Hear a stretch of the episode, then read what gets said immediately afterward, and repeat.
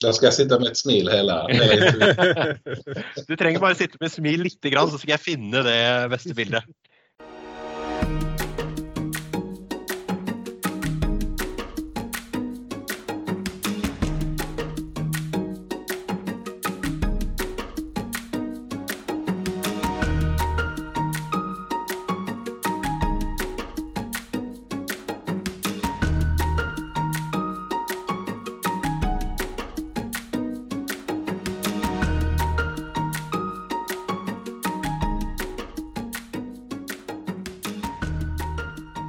Ove, skal vi gå videre i politikerpraten vår, eller?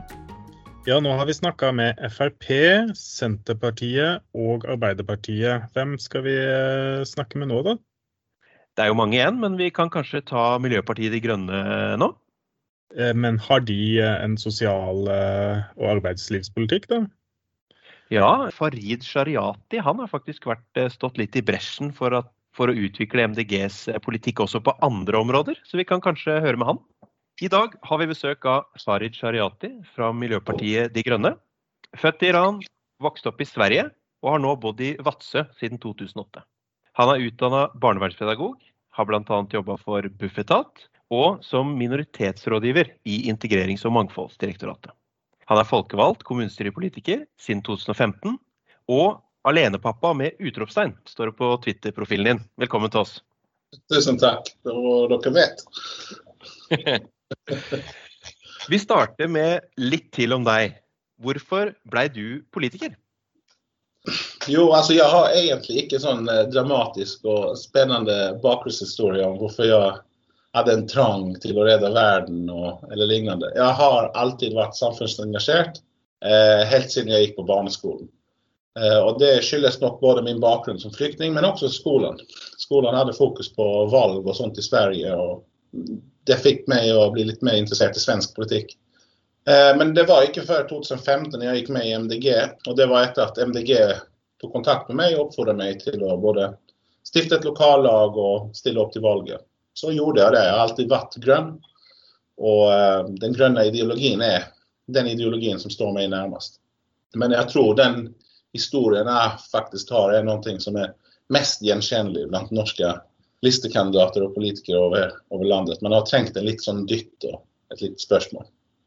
Vi eh, lurer jo også litt grann på om du kan fortelle oss noe om deg selv som ikke folk flest vet. Men så er jo du selvfølgelig såpass heldig at du ikke er, kanskje er så kjent i utgangspunktet. Da, så det er mye å ta av.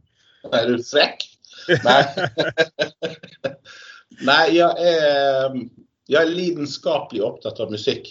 Eh, det är i alla fall så jag vill karaktärisera mig själv. Jag menar, det finns två slags musik. Det finns god musik och dålig musik.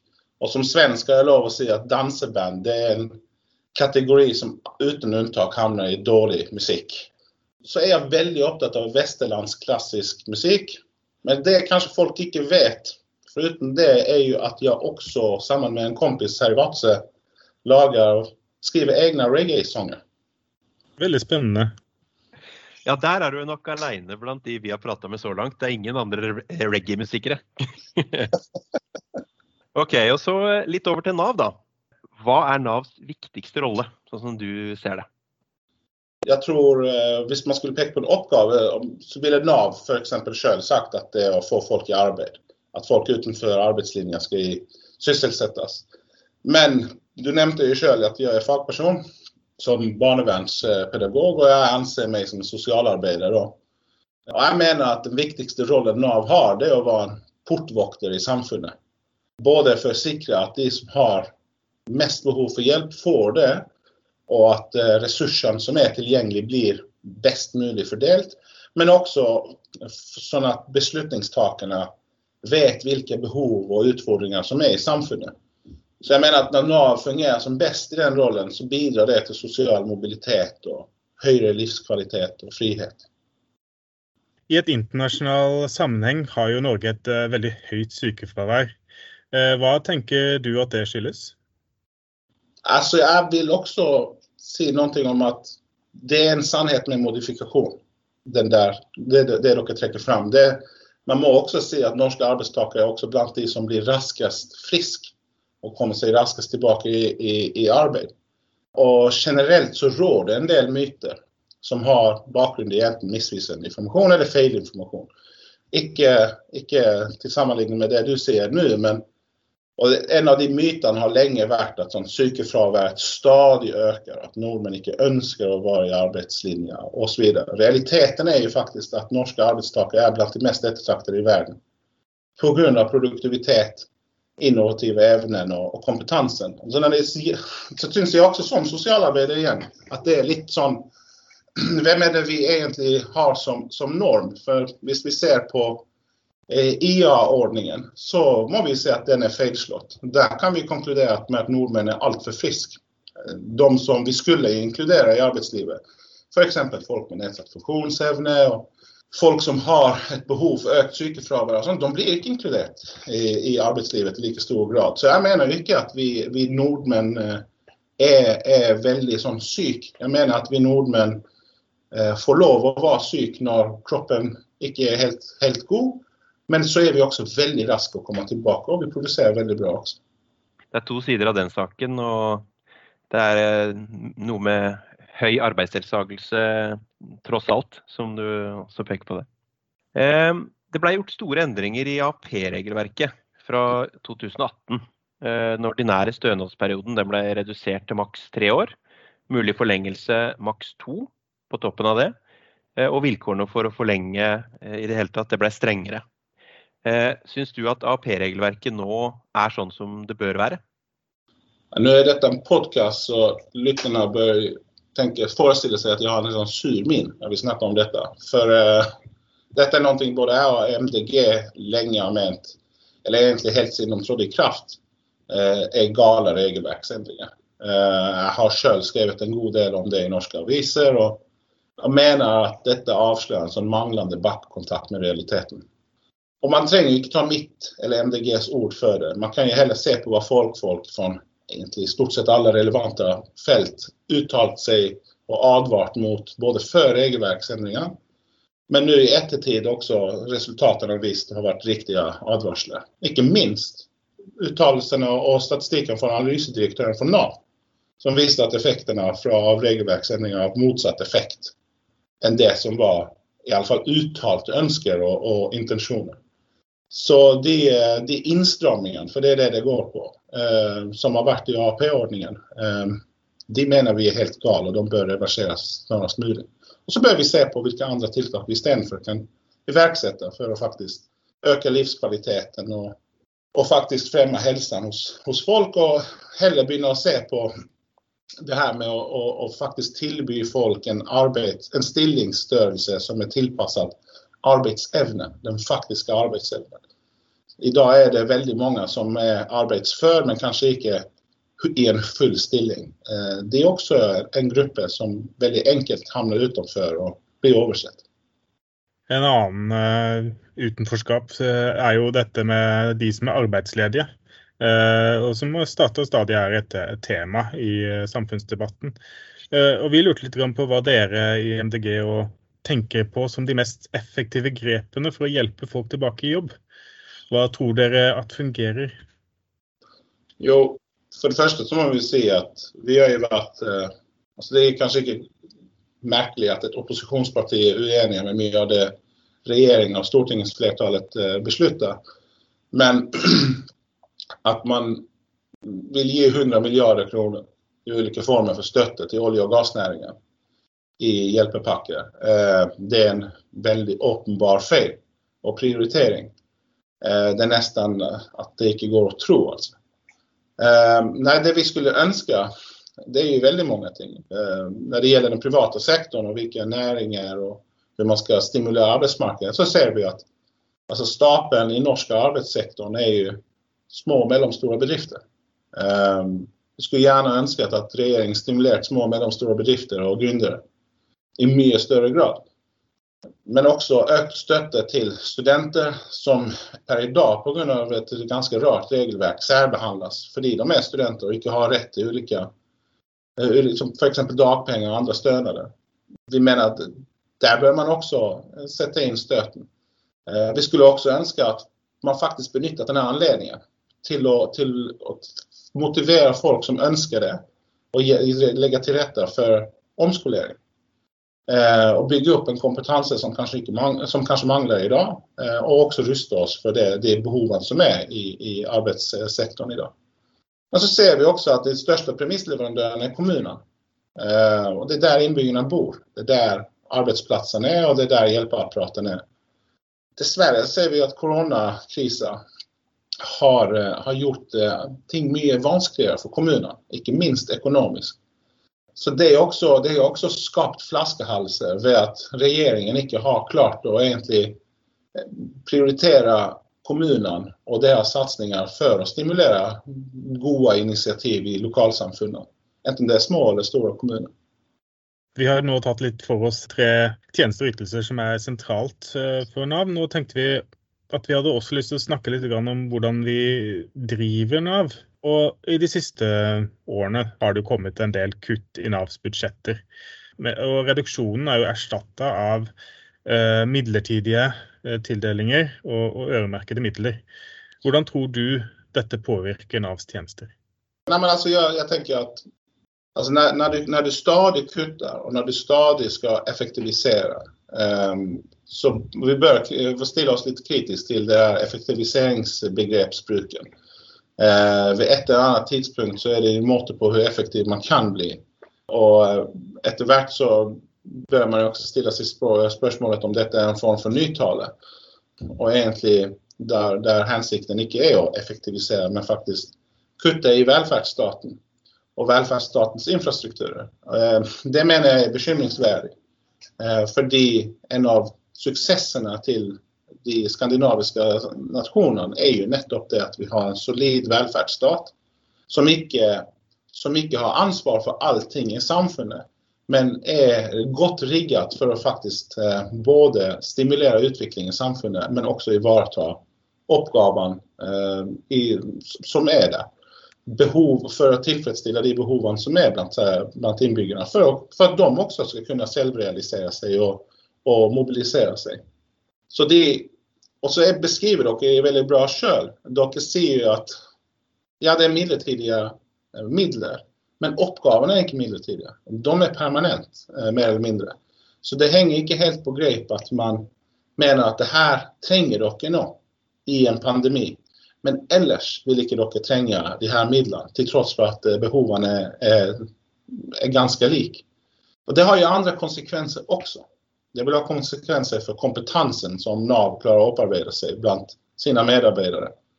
Eh, och det har konsekvenser för vilken, alltså hur kvaliteten på tjänsterna, hur man yter dem och utvecklingen där. Um, och det sista där med tjänsteutvecklingen, det är nog en ting som blir allt för lite kommunicerat. NAV jobbar i ett svärt dynamiskt fält som är krävande också och huvudformålet om att sikra att arbetsföra nordmän är i arbetslinjen kräver också kontinuerlig utvecklingsarbete som är tillpassad dagens marknad men också framtidens marknad eh, och de behoven som, eh, som kommer komma. Så det är klart att jag är bekymrad för att när man stadigt kuttar i rambetingelserna till etater som NAV så tvingar man också de etaterna till att kunna släcka bränder eh, och icke kunna fokusera på ett långtidsarbete. En annen ting som påvirker drifta, det er jo fordelingen mellom akkurat driftsbudsjettet og tiltaksbudsjettet. Mm. Driftsbudsjettet er jo rundt 13 milliarder, og tiltaksbudsjettet det er rundt 10. Så det betyr i praksis at Nav ikke kan drive tett oppfølging sjøl, men er bundet til å kjøpe tettere oppfølging av andre aktører. Det er vanskelig å hjelpe folk i arbeid på en effektiv måte når du ikke holder i oppfølginga sjøl. Hvordan skal vi finne annen i Nav, gitt disse rammene, altså lykkes bedre med arbeidsdelen av det Nav skal gjøre? Jo, la oss ta sånn et utgangspunkt da. Og at for meg er at det er ikke nødvendigvis dumt at vi er litt systemkritiske også. Jeg tror at de fleste sosialarbeidere vil være enige om at det er lurt at Nav ikke har en altfor stor makt i utformingen av arbeidsmarkedet og, og ting som egentlig utvikler seg organisk i samfunnet. Och att det är utfordringar med NAV, att det blir liksom utfordringar om NAV ska, ska utveckla allting själv eller kontrollera allting själv. Jag menar alltså att god samfundsutveckling, det sker oftast när stat och samfund för övrigt samarbetar tätt och att staten stöttar innovationen och initiativen som tas av andra etater och sektorer. Men det uppstår ett problem samtidigt. När NAV är helt prisgitt det tillbudet eh, som NAV inte själv kan kontrollera Eh, och styra eh, eller utveckla på egen hand. Och det som manglar i dagens tillverkning är ju att NAV kunde varit eh, mer systemorienterat menar jag, i samhällsutvecklingen. Och som haft egna resurser till att se på arbetsmarknad, empowerment och, och folkhälsa och samfundsbehov i ett. Jag menar att det vi bör diskutera när vi diskuterar det här med tilltak för exempel, är ju också Alltså jag, alltså jag ser ju att NAV som etat och många andra offentliga tjänster har blivit mycket mer individorienterat de sista 30 åren. Och jag tror att det är på tiden att vi tar någon skritt tillbaka och har lite mer systemtillnärmning till de uppgifterna som NAV har. Nav-kontorene de drives ju i eh, i partnerskap mellan staten och den enkelte kommune där eh, NAV-kontoren ligger. Vad syns du om eh, den modellen å organisere Nav-kontorene på? Jag har, som du nämnde inledningsvis, varit folkvald eh, lokalt sedan 2015. Och det är vanskligt att veta om denna modellen är det bästa vi kan ha när jag inte känner till så är det många andra alternativ. Tillbakemeldingarna som jag har fått Eh, visar ju att men det är fördelar med den dynamiken som är, med det partnerskapsavtalet mellan kommun och stat, så är den partnerskapsfaktorn också en kilde till mycket frustration och är väldigt krävande. Särskilt för mellomledare som måste förhålla sig till flera lovverk samtidigt. Och det är ett paradox, tänker jag då, att det kan uppstå en, en konfliktlinje inåt i NAV mellan de olika nivåerna.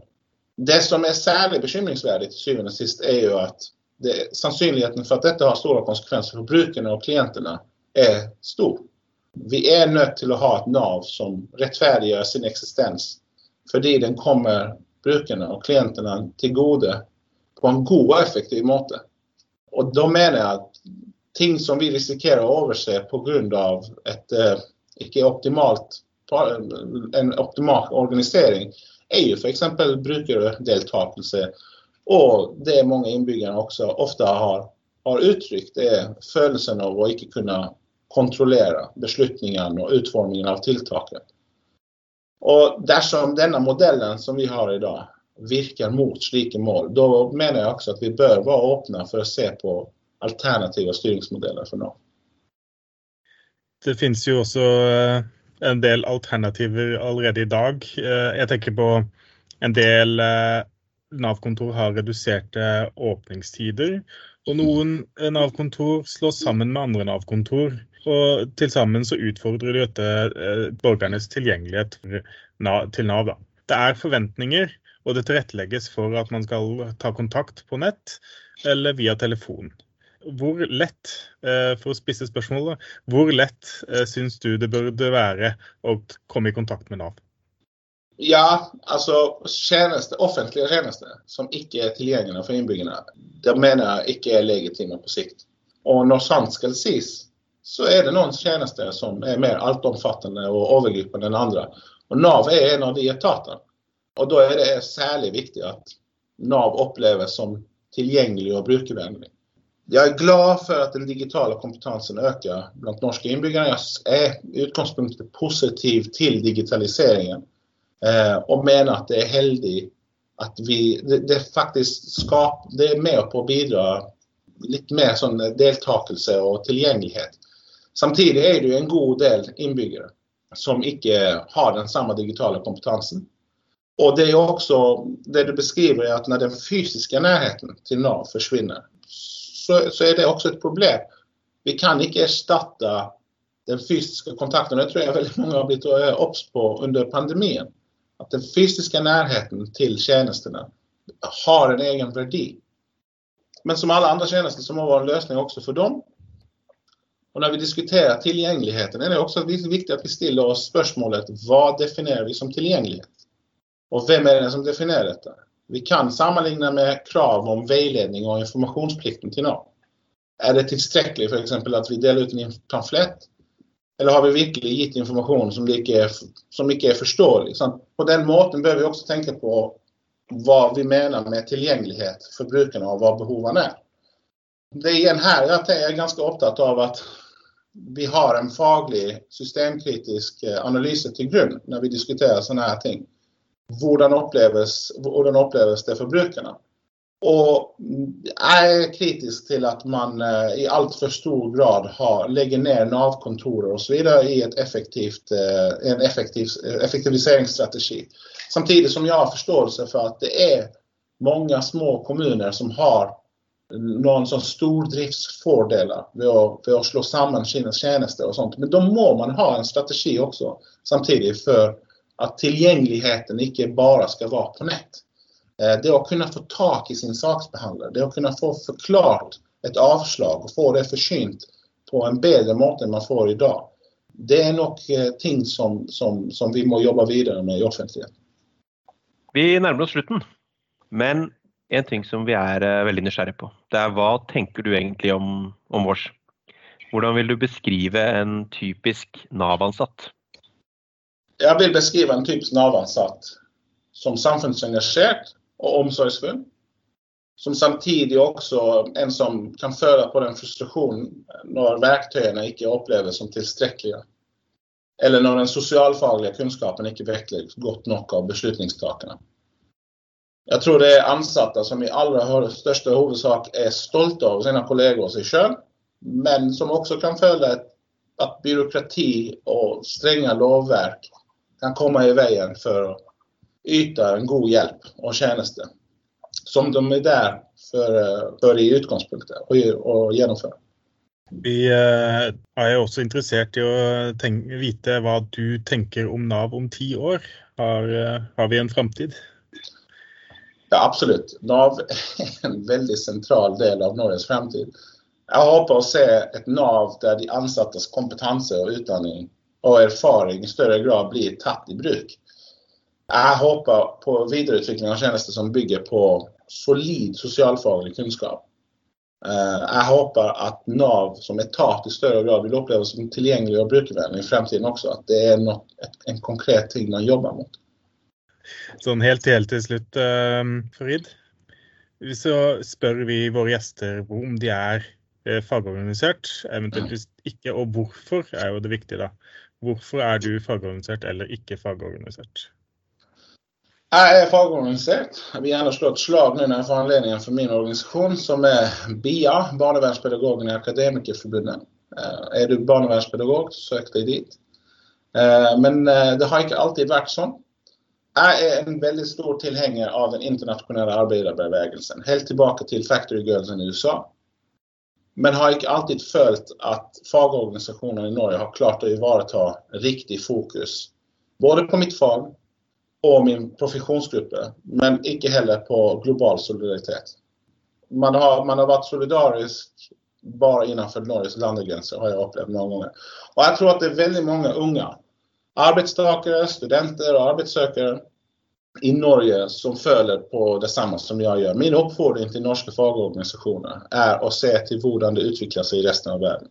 Akkurat som arbetarbevägelsen tidigare anerkände att kvinnokamp också är arbetarkamp står nog miljöbevägelsen och arbetarbevägelsen internationellt skulder vid skulder. Och jag tror att det är många som väntar på att den norska arbetarbevägelsen fagorganisasjoner i mycket större grad också gör det till sin norm. Att miljöbevägelsen är deras allierade, att det är arbetarkamp. Så att man slipper att välja mellan att vara organiserad, som är väldigt viktigt för många, utan att eh, man tränger att kompromissa med viktiga värderingar, som exempelvis hänsyn till klimat och miljö. Det eh, er jeg faktisk helt enig i. Jeg tror fagbevegelsen har et, eh, en ekstra vei å gå på å, å kunne se ut over sine egne grenser og, og, skape litt mer solidaritet. Samtidig så mener jeg jo at eh, man gjør et betydelig stykke arbeid der i utgangspunkt. Og NTL bl.a. har jo kjempa inn i hovedtariffavtalen at uh, vi skal ha et grønnere fokus i, i statlige virksomheter. Mm. Men det er en god eh, oppfordring til oss alle likevel, så vi kan jo avslutte med det. Takk for at du kom, Farid Shariati. Takk for at jeg fikk komme. Det var veldig hyggelig. Ha en fortsatt fin dag. Da. Takk det. Ha det godt. Takk til deg som hørte på. Hvis du har spørsmål eller kommentarer, Ris eller ros? så er vi veldig takknemlige om du Sender en e-post til torgeir.homme. Alfakrøll nav.no. the host.